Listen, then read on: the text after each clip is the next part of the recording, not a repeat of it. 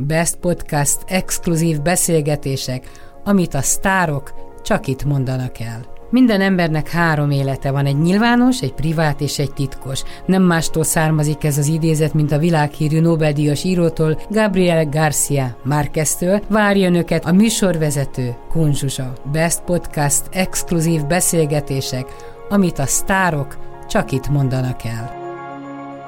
Feldmár András a telefon másik végében, én Budapesten, te András Kanadában. A dokumentumfilm, a Nemzetközi Dokumentumfilm Fesztiválnak te voltál az egyik zsűri tagja. A Harc a gyermekünkért, vagy a gyermekedért szekcióban sok filmet megnéztél.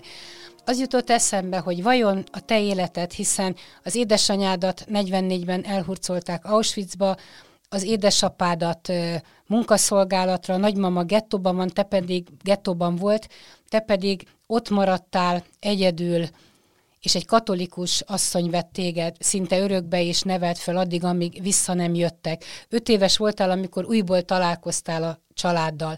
Milyen egy három éves, három éves gyereknek a, az agya, a lelke, a tudata? Tehát emlékszel-e arra, amikor három évesen elhurcolták az édesanyádat Auschwitzba, az édesapádat munkaszolgálatra, a nagymamádat gettóba, hogy ez hogy zajlott erre, emlékszel? Nem, nem, nem ez a sztória a fejembe. Én csak azt tudom, hogy a, az anyám ott hagyott a Kisrókos utca három házmesterénél, és e, ő kiengedett az udvarra, és ott egy nagy pocsolyába játszottam, és e, vártam, hogy az anyám jöjjön, értem, de hát nem jött, egy idegen nő az igaz irén jött, aki aztán másfél évig vele laktam. Én csak a, én, én a pocsolyára emlékszem, a többire nem. És akkor, amikor ö, visszakaptad a családodat, akkor egy ismerkedési folyamat kezdődött? Amikor az apám például ő előbb jött vissza, rámutatott ez a nő az anyád, hát akkor én elhittem neki, de nem ismertem fel, úgyhogy pszichológiailag, hogy én mind mentem át, azt még, még ma sem tudom pontosan. Arra emlékszem, hogy aznap, mikor anyám hazajött, elmentem sétálni vele, fogtam a kezét, és eh, egyszer csak azt mondtam neki, hogy tudod, a sára az nagyon szép, de te sokkal szebb vagy. És akkor megkérdezte tőlem, ki a sára? Mondtam, az apám barátnője. Attól fogva akkor kezdtek elválni és, és azt mondták, hogy én miattam, ha nem mondtam volna meg az anyámnak az első nap, hogy az apámnak van egy barátnője, akkor lehet, hogy nem váltak volna el. Milyen érdekes az élet, hogy az ember hatalmas traumákat, drámákat él át, a halál torkából jön vissza, és a, a féltékenység, a harmadik az mindig tönkre tehet egy kapcsolatot. Hát igen, ez már évezredek óta így van. Ilyen erős bennünk a birtoklási vágy? Hát persze, ez, ez belénk van építve. De le, lehet birtoklási vágynak nevezni, de hát a féltékenység, a, az irrítség és a mohóság, ez a három, a rossz indulatnak a három tényezője, a gonosz, mind ebből ered. Úgyhogy ezek nagyon eh, alapvető eh, érzelmek, és mindig is belünk voltak. És mit tehet az ember, hogyha ezt felfedezi magában, és felfedezi magában? Hát az ember mindig dolgozhat azon, hogy mondjuk a, a féltékenységet egy bőkezűséggel váltja fel, a, az irítséget egy inkább talán örülni kell annak, hogyha másiknak valami sikerül, ezt lehet gyakorolni, és a mohúságot fel lehet adni. De hát a, a kapitalizmus az bátorítja a mohóságot, senki nem akar optimális gazdagságot, mindenki maximálisat akar. És itt lesz eh, a kapitalizmus élet ellenes. Úgyhogy eh, nehéz gyakorolni a rossz indulatnak az abbahagyását. Tulajdonképpen az embernél gyarlóbb, gonoszabb a világon nincsen. Tehát én mindig azt gondolom, hogy az állatvilágban sokkal nagyobb a rend és a tisztesség, mint az ember. Nem tudom, hogyha azért választani kellene. Én örülök, hogy most élek, és eh, hogy élek egyáltalán, és hogy eh, ember vagyok. Úgyhogy én nem, nem változtatnék eh, formát, esetleg egy sassal. Miért pont sassal? Nem tudom, én skorpió jegyben születtem, és a skorpiónak a legmagasabb foka a sas. Hát én itt sok sas van, ahol én élek, és nagyon magasan tudnak repülni, alig mozgatják a szárnyukat, éles a látásuk, és játszanak egymással. Hát nem egy rossz élet. Hát az emberi gyarlóságról beszéltünk, a hála, és most visszatérve a te gyerekkorodra. Éreztél hálát az, az iránt, a katolikus család iránt, aki befogadott, aki amíg a családod nem jött vissza, nevelgetett, ne Isten még szeretgetett is? Nem akkor.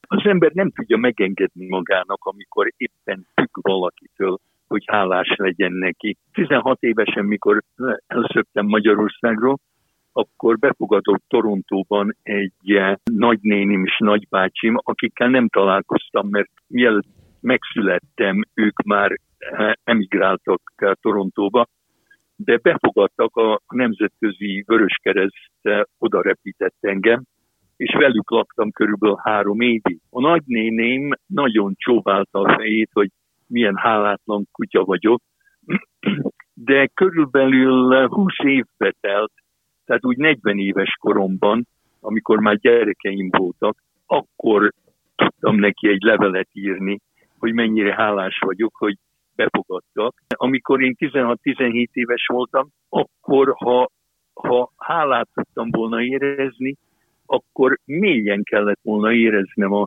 függőségemet, amit, eh, amit nem tudtam megengedni magamnak, az, eh, az ígyeltem volna magam. Úgyhogy egy kicsit eh, föl kellett épülnöm, és saját lábomon kellett állni, mielőtt hálát érezhettem volna. A katolikus családnak, akik megmentették az életemet gyerekkoromban, ő nekik is tulajdonképpen a hálámat csak már 45-50 éves koromban tudtam valóban kifejezni.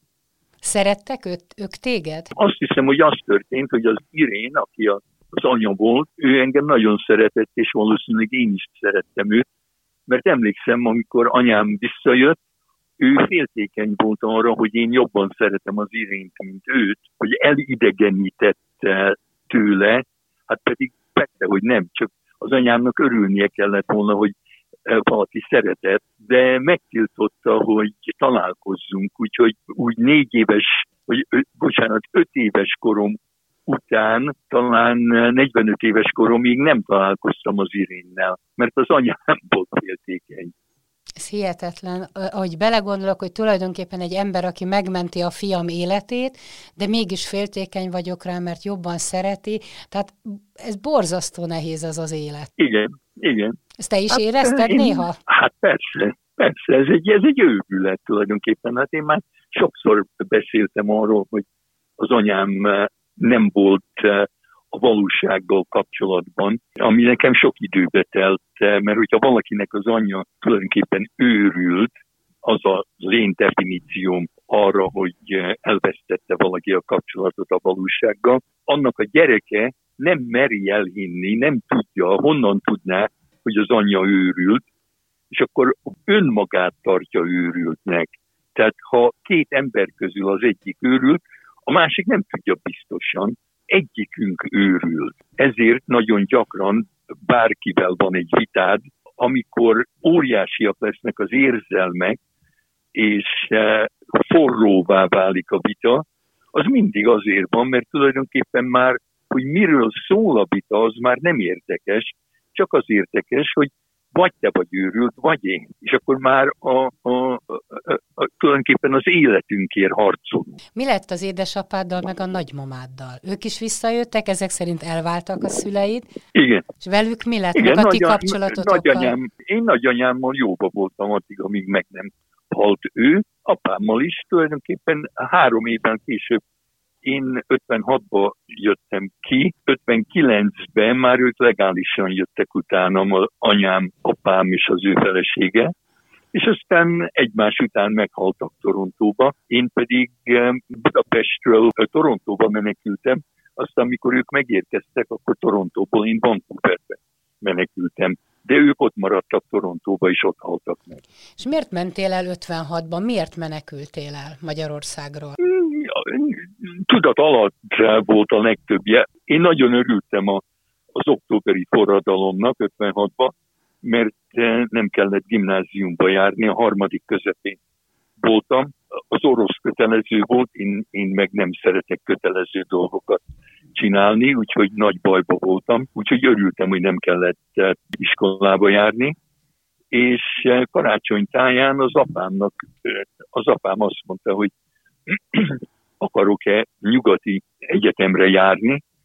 Hát mondtam, nem tudtam, hogy miért mondtam, de azt mondtam, hogy igen. És azt mondta, jó, ismerek valakit, aki át tud vinni a határon Ausztriába. Mi nem megyünk, anyád sem megy, de ha te akarsz, akkor én támogatlak. És akkor úgy elhatároztam, hogy na, én megyek. Hogy, hogy visszagondolok, hogy miért határoztam el. Azért, mert ott nem volt jövőm, apám rossz káder volt, úgyhogy valószínűleg órásmester lettem volna egy budai pincehelyiségbe, ha ott maradok, mert nem engedtek volna be az egyetemre. Így meg megszöktem az anyámtól, aki akkoriban már féltékeny volt az első szerelmemre, úgyhogy, úgyhogy szerintem a legjobb dolog, amit csináltam. Tehát persze nem tudtam, hogy mit csinálok. Ez egy, ez egy erős impulzus volt, és beleléptem az ismeretlenbe. És azt tudtad, hogy mi szeretnél lenni? Mert hogy órásmester nem? Nem. nem. Hát ez, az, nem is bántam volna akkor, de az, hogy, hogy, hogy mi történt velem, először is meg kellett tanulnom angolul. Mert Magyarországon az elemibe tanultam franciát, németet, aztán később orosz, minden, csak angolt nem. Úgyhogy mikor megérkeztem Torontóba, akkor egy évig nagyon keményen angolul tanultam, hogy befejezhessem a gimnáziumot, és mert számolni magyarul tudtam a fejembe, mindenki azt hitte, hogy valami matematikai zseni vagyok, úgyhogy öt évig, hat évig matematikát tanultam, mielőtt rájöttem arra, hogy az engem nem is érdekel. Tehát csak sokkal később, a 20-as éveimben találtam ki, hogy a pszichológia érdekel, és még később az, hogy a pszichoterápia érdekel. Úgyhogy ez nem volt egy korán kigondolt dolog. Nagyon sokan azt mondják a, a pszichológiában, nem tudom, te melyik tábort erősített, hogy nem mindenki alkalmas arra, hogyha elmegy egy terápiára, hogy az egész múltat, és most a te múltadat kicsit végigvettük, hogy az embernek a múltját a nyakába öntsék. Van, aki ettől megborul. Tehát nem mindenkinek jó az a terápia, hogy kezdjünk arról beszélgetni, hogy mi történt gyerekkorodban, és hogy ez milyen nehézséget, vagy fájdalmat, vagy milyen, milyen tragikus élethelyzeteket hozott a későbbiekben. Mit gondolsz erről? Ez egy hülyeség. Én persze nem ajánlanám a pszichoterápiát senkinek, a pszichoterápia akkor jó, amikor élet-halál kérdése. Úgyhogy én nem ajánlom, de attól senki nem lesz rosszabbul, hogy eh, a saját történetét el tudja mondani másoknak. Az csak javíthat. De ha valakit nem érdekel, akkor én nem akarok. Én senkit nem beszélek rá semmire. Hát persze attól függ, hogy kinek mondja el az ember a, a történetét. E, egy, egy pszichológus nem olyan, mint egy másik pszichológus. Nem autó szerelőkről beszélünk, pszichoterápia egy, egy, egy rendkívüli emberi eh, foglalkozás, úgyhogy eh, például, hogyha a, az én autószerelőm meghal, akkor tudok egy másik nagyon jó autószerelőt kapni. De ha a terapeutám meghal, akkor nincs egy másik, aki helyette be tud ülni az óráimra, és minden megy tovább. Te jártál hosszan terapeutához. Befejezted hát, a terápiát? Gondolom már nem kell. Hát dehogy nem. Addig, amíg én vagyok a terapeuta, az nekem is terápia. Vagy mind a ketten jobban leszünk, vagy egyikünk se. Úgyhogy én szerintem a terapeuta, egy jó terapeuta, az annak van a legnagyobb szüksége a terápiára, és eh, eh, azért eh, fogad pacienseket, mert neki van szüksége emberi társaságra, olyan emberekre, akivel őszintén lehet beszélgetni. Na de a terapeuta nem mondja el a fájdalmát, bánatát, az élet botlásait nem. a paciensének. Nem, de, de odafigyel, és, és sok mindent érez, és sok gondolatot átnéz, és szortíroz, és ha valaki másra figyelek, akkor az én fájdalmaim nem olyan fontosak. Úgyhogy ha én nekem már nem lenne szükségem terápiára, akkor már befejezném azt, hogy másoknak, másokkal foglalkozom, akkor inkább olvasnék, vagy írnék, vagy hegyet másznék. Már a 80. évenben vagyok. Ezt úgy, akartam mondani, hogy 80 évesen tudsz még hegyet mászni? Hát miért ne? Teljesen még, egészséges még, vagy? Minden rendben van? Minden rendben. Egy szerencsés ember vagy, hogy 80 évesen azt mondhatod, ja. hogy sehol se fáj. Hála Istennek, ma nem. Ma nem? Hát még ma nem, holnap már lehet. Ja, hogy holnap nem tudod, hogy hogy alakul a holnap. Amikor te elkezdtél nem. saját terápiára járni, saját magad miatt, akkor azért, mert az egyetem megkívánta, vagy azért, mert olyan élethelyzetben nem, voltál, nem. ha nem? Nem, az a saját élethelyzetem. Az egyetem soha nem kívánja meg sajnos pszichiátereknek nem kell pszichiáterhez járni, és pszichológusoknak nem kell terápiába járni, sajnos. Én azért mentem, mert én matematikus voltam, amikor először terápiába mentem, és heti öt órát töltöttem a terapeutámmal, aki pszichoanalitikus volt Torontóban. Kilenc hónapig heti öt órát jártam hozzá. Azért, mert nagyon boldogtalan voltam. Második házasságomnak volt vége, nagyon fájt a szívem, nem tudtam, hogy miért nem tartósak a házasságaim, de aztán működött a dolog, mert a harmadik házasságom most már íme több mint 50 éves, úgyhogy kiszabadultam azokból a ismétlési komplexumokból, amiket, amikre rámutatott az analitikus. És mik voltak Amikor ezek? rájött, hát hogy ilyen például mind a két házasságom három és fél év után bomlott fel, és ő azt mondta, hogy ezt én csináltam. Én azt hittem, hogy a feleségeim hagynak ott.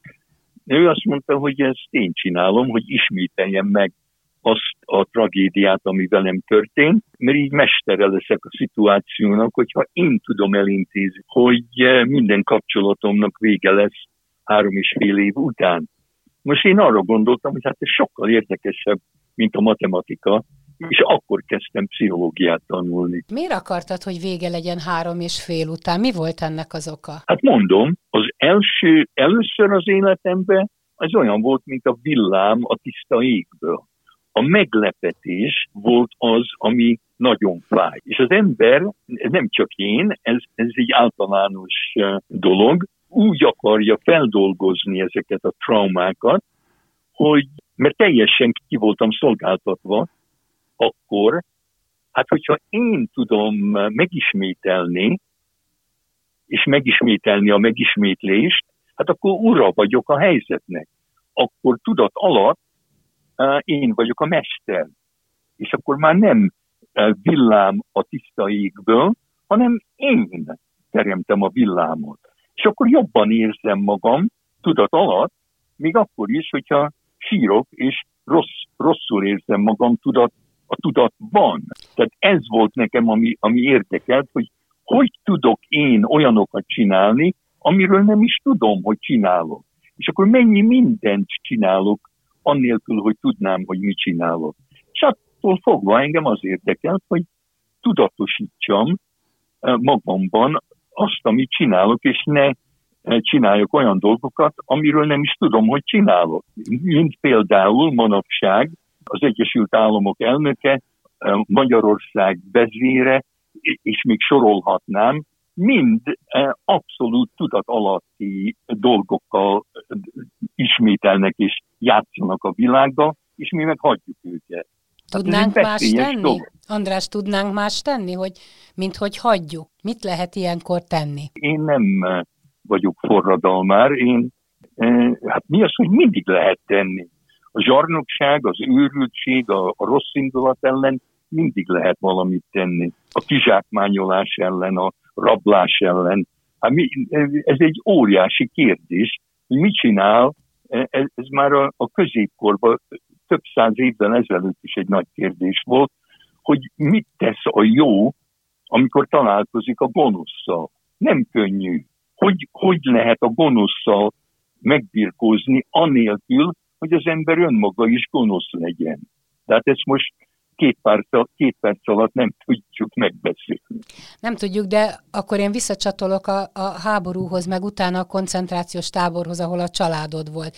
Gondolom akkor azt is ezerszer végig gondoltad az elmúlt évtizedek során, hogy hogyan válhatott az ember gyilkossá, hogyan válhatott gonoszszá, hogyan válhatott olyan emberi, aki azt mondta, hogy gondolkodás nélkül ölt, pusztított, mert, mert egy tiszta fajra volt szüksége, hogyan válhatott mengelévé, hogy ezt is érted, vagy megértetted? Ezt nem lehet megérteni. Én, én rájöttem arra, hogy lehet szeretni valakit, annélkül, hogy megértsem. A, a megértés eh, gyakran lehetetlen, és az, az majdnem obszcén, az, az már majdnem hányinger gerjeszt, amikor mondjuk egy Hitler pszichológiailag eh, próbálunk analizálni. Nem lehet a gonoszt megmagyarázni. A, a történelmünk a Biblia elején, amikor eh, Isten megkérdezi az arkangyalokat, hogy szolgáltok-e, mindegyik arkangyal azt mondja, hogy igen, szolgállak. Csak a Lucifer mondja, hogy én nem. Hát nem lehet pszichoanalitikus hívni, hogy a Lucifer miért mondott nemet. De hát a gonosz az egy választás. Ezt nem lehet megmagyarázni. A szeretetet se lehet megmagyarázni. A szeretet is egy csoda. A, a gonosz is egy csoda. Tehát ne, ne, ne, ne gondold egy pillanatra se, se te, se én nem élnénk, ha ezrével, talán több ezrével nem haltak volna meg az őseink, és a vérüket ontották azért, hogy te élhess, meg én élhessek. Hát az emberiség soha nem volt egy szeretetteli eh, banda. Tehát a pusztításra szükség van ahhoz, hogy az emberiség élve maradjon és élhessen? Hát én nem mondom, hogy szükség van, de ha visszanézünk, eh, annélkül még nem volt élet, hogy nem mészároltuk volna egymást.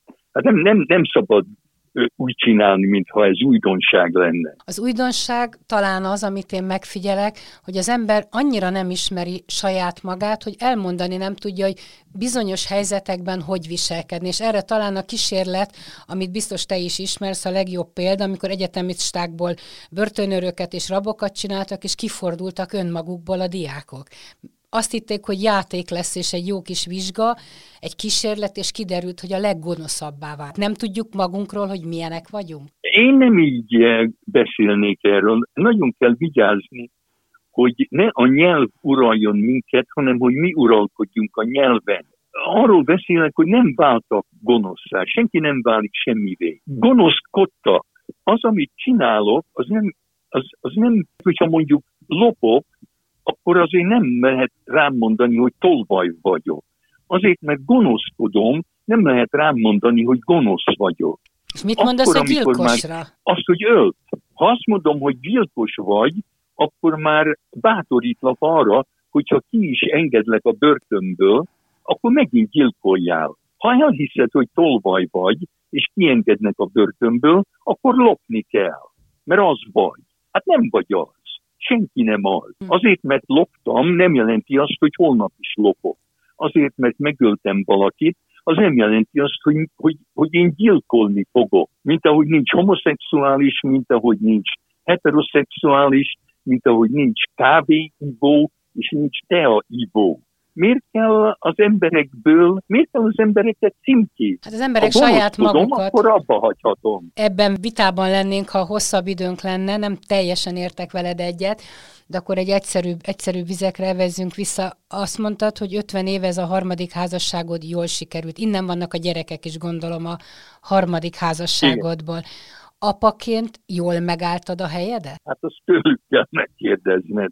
A szeretet bizonyítéka, a szeretet emberben van, nem abban, aki szeret, aki azt mondja, hogy szeret. Én mondhatnám, hogy igen, remek, de azt csak ők tudják mondani. De jóban vagytok? Jóban, igen, mint a, mint a lányommal is, fiammal is. Ott élnek a közeledben? A lányom igen, a fiam egy kicsit délebbre, ő Los Angelesben él. És már nagypapa is, vagy akár? Nem, nem, fiamnak kutyái vannak, a lányomnak meg macskái, úgyhogy nagy állataim vannak. És akkor tulajdonképpen állataim vannak. kettesben maradtatok időskorodra a feleségeddel. Ez egy, ez egy nehéz helyzet szokott lenni a párkapcsolatban. Nem tudom, hogy ti hogy oldjátok meg, amikor kiröpülnek a gyerekek, és az ember elkezd újból ismerkedni a férjével és a feleségével. Ha elhanyagolták egymást, az mindig egy tragédia, hogyha valaki jobban szereti a gyerekét, mint a párját. A legszabadabb, a legjobb a gyereknek, hogyha a szülei szerelmesek egymásba, és hagyják őket békén.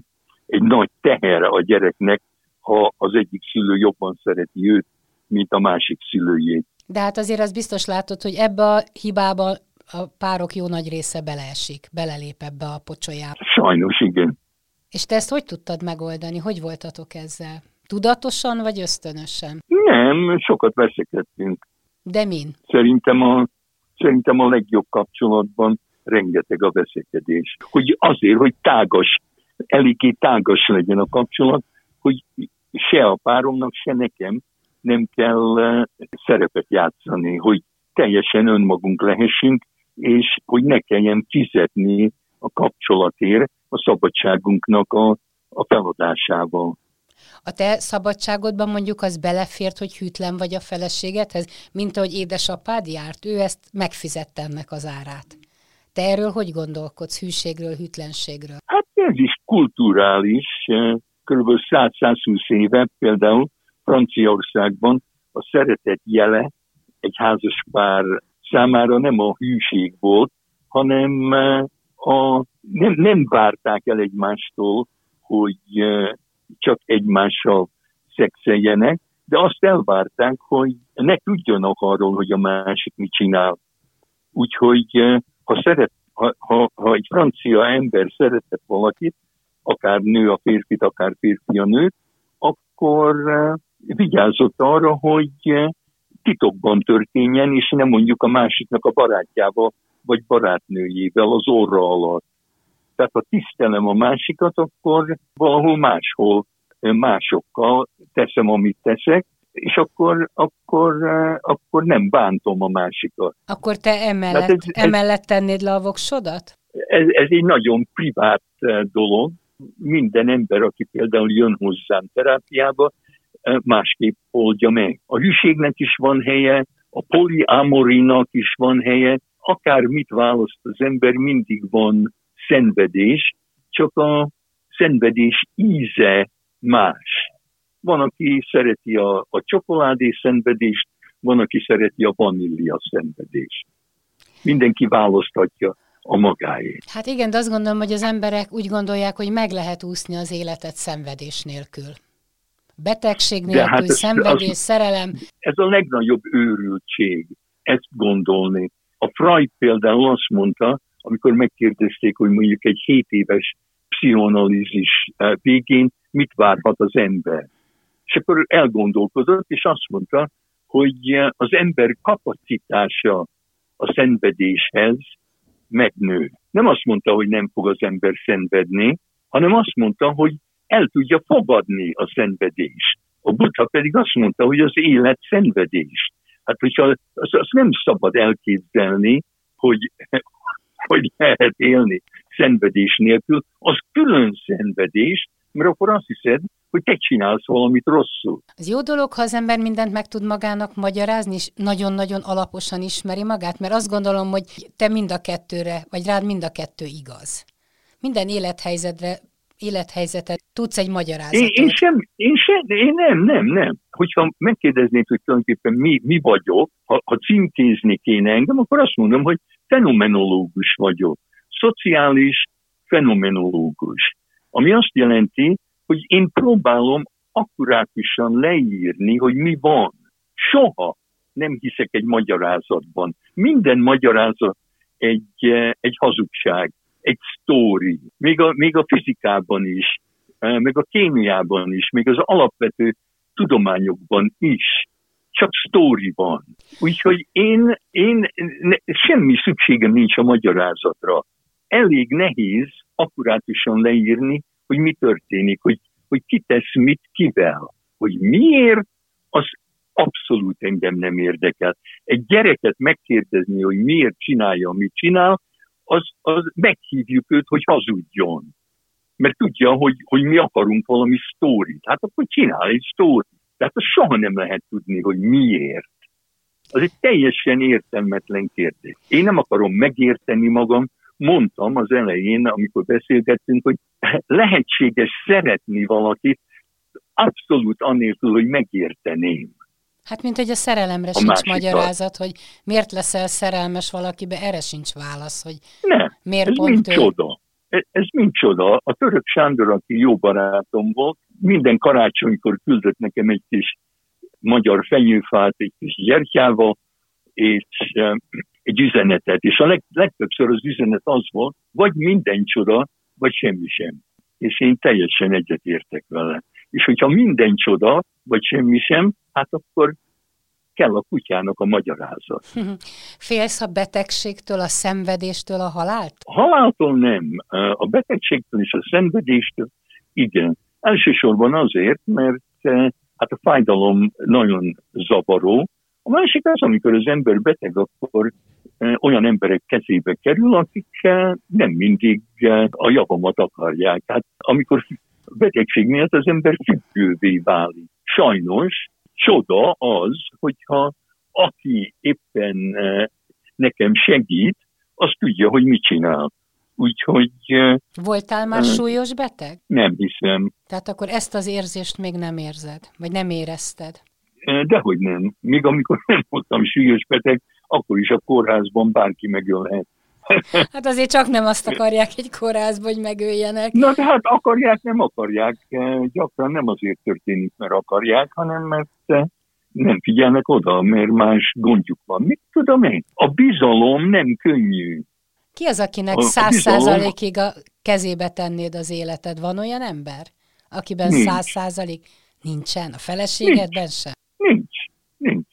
Ez nem nincs. jó, András, ez nem jó. Ez Na jó, hát jó, ne, nem jó, de ne, nem, nem lehet tettetni.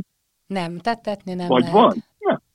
Hát, mert azt mondtad, hogy fél órás lesz ez az interjú, most már sokkal több, mint fél órája beszélgetünk. Nem olyan sokkal több, 38 perce beszélgettünk, nem annyira sokkal több. Unod? 41 nálam. 41, de meguntad, vagy miért? Én még annyi mindent szerettem volna, de lassan-lassan tényleg abba hagyhatjuk. Még egy búcsú kérdést, hogy szerinted, amit gyerekkorban átéltél, és ez megint egy pszichológiai kérdés, kihat az ember életére?